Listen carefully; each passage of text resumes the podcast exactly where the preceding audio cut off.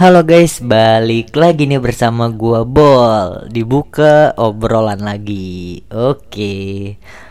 Buat kalian yang baru pertama kali mampir ke podcast gua, gua akan ngasih tahu ke kalian bahwasannya podcast ini terbagi menjadi dua tipe.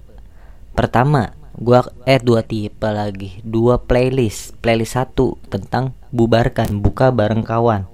Di situ gua akan ngebahas seputar aspek ekonomi, pendidikan, kesehatan. Kedua, playlist namanya berenang berbagi kenangan.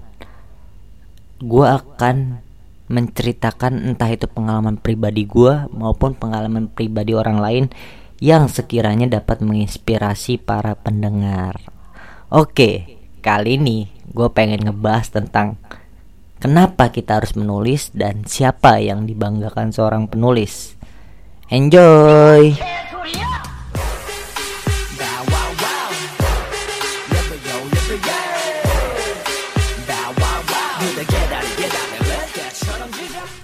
Kemarin ada yang bertanya sama gue, kebahagiaan seorang penulis itu untuk siapa? Terus lo ngapain nulis? Emangnya tulisan lo bagus? Pertanyaan yang simpel namun kompleks buat gue ngejawabnya. Mungkin yang bertanya juga nggak ada tujuan tertentu, hanya kepo, hanya ingin tahu. Sebagian orang bertanya karena ingin mengukur kapasitas keilmuan gue, hanya untuk menjustifikasi image yang ditempelkan kepada gue. Makanya, gue akan disclaimer kalau gue bukan seorang penulis. Tapi kita coba lihat dulu konteksnya. Orang belajar disebut akademisi, orang yang kerja di PT disebut buruh, orang yang suka main game disebut gamers, dan orang yang mencuri disebut pencuri. Kesimpulan dalam pengertian umum bahwa orang yang setiap hari penulis, eh, orang yang setiap hari menulis disebut penulis. Tentu tidak perlu dibahas apakah hanya orang yang sudah menerbitkan sebuah buku saja yang boleh disebut penulis Ataukah semua yang hobi menulis boleh disebut sebagai penulis? Lantas, apakah benar menjadi sebuah penulis adalah sesuatu yang dibanggakan? Satu pertanyaan yang terdiri dari empat suku kata mengandung puluhan jawaban yang bervariasi. Ada yang mengatakan menjadi penulis adalah jalan mencapai popularitas. Ada juga yang bilang bahwa menulis itu untuk menolak lupa dan tidak ada salahnya juga bila ada yang menganggap bahwa menjadi penulis untuk mendapatkan uang tambahan. Seperti yang sudah gue bilang, tidak ada jawaban yang salah. Setiap orang punya sudut pandangnya masing-masing.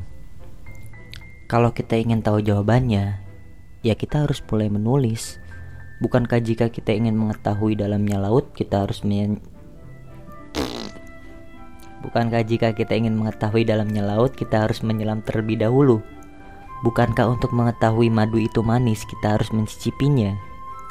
Bukankah dalam cinta sebelum mengetahui dia suka atau tidak kita harus mengutarakan perasaan kita? Anjir. Bagaimana kita tahu jawaban sesuatu jika kita saja tidak berani mencobanya terlebih dahulu? Masihkah? Masihkah lagi? Masihkah? Masihkah? Masihkan? Eh, apa sih? Masihkah sistem dewa? Masihkah sistem doktrinisasi itu kita pertahankan? Tapi bagi gue pribadi, menulis adalah suatu kebanggaan.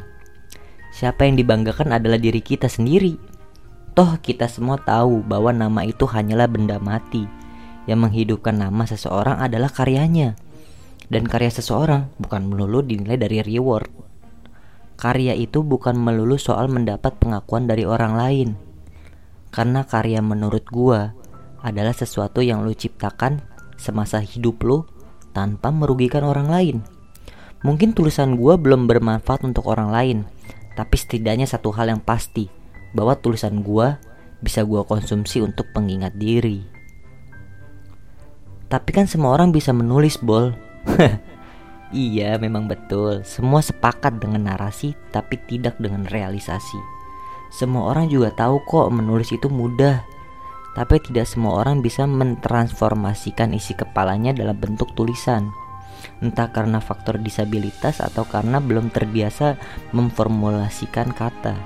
Intinya, jangan pernah memandang seseorang dari profesinya. Ada sebuah penyakit, tapi gue nggak tahu nama yang cocoknya gimana. Tapi kita namakan saja sindrom patah hati.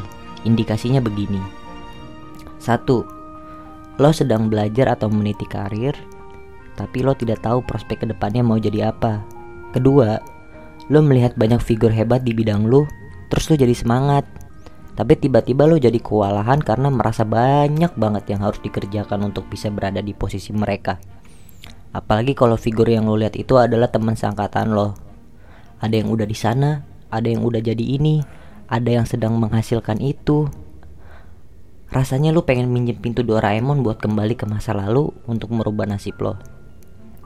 Kalau udah begini lo harus gimana? Gini bre, ingat semua orang punya timingnya masing-masing. Orang yang berada di puncak pernah mendaki dari bawah. Kalau lo masih di bawah, santai aja. Panik nggak akan ngebuat lo tiba-tiba langsung berada di puncak. Santuy. Terus aja jalan. Jalani hidup lo yang tidak berguna ini. Selangkah demi selangkah asalkan lakukan perubahan sekecil apa pun setiap harinya agar menjadi versi lebih baik dari diri lo sebelumnya. Ingat bre, hidup itu bukan soal patah hati ketika melihat nasib orang lebih baik dari lo. Bisa jadi mereka payah dan berantakan dalam sekian aspek yang mungkin lo baik di sana. Jangan melulu ngebandingin hidup lo sama orang lain. Semua orang punya masalahnya masing-masing Lo tinggal nunggu timing aja. Mau sampai kapan kalian hanya menjadi penonton dan komentator? Ingat pepatah tidak berguna ini. Hidupmu berharga. Jangan mau hidup ditentukan orang lain. Berani bermimpi. Kerja keraslah sampai bisa mewujudkannya. Kalau mimpi lo belum ditertawakan orang lain, berarti mimpi lo masih kecil. Sekarang mah gini dulu dah. Bahagiain diri Bahagian diri sendiri dulu. Tulis apa yang lo sukai. Berpestalah dengan kata-kata dan plot yang lo inginkan. Menulis itu bukan untuk membahagiakan pembaca saja. Menurut gua, memastikan diri sendiri bahagia saat menulis itu numere uno. Jika lo nggak happy ketika menuntaskan suatu tulisan, itu sangat menyiksa, bro. Hampir pasti. Berdasarkan pengalaman menulis skripsi, lo akan kesusahan selama prosesnya. Percayalah, kebahagiaan lo akan tercermin pada karya lo dan nantinya menular kepada si pembaca. Selamat menulis. Gua boloknya satu pamit undur diri.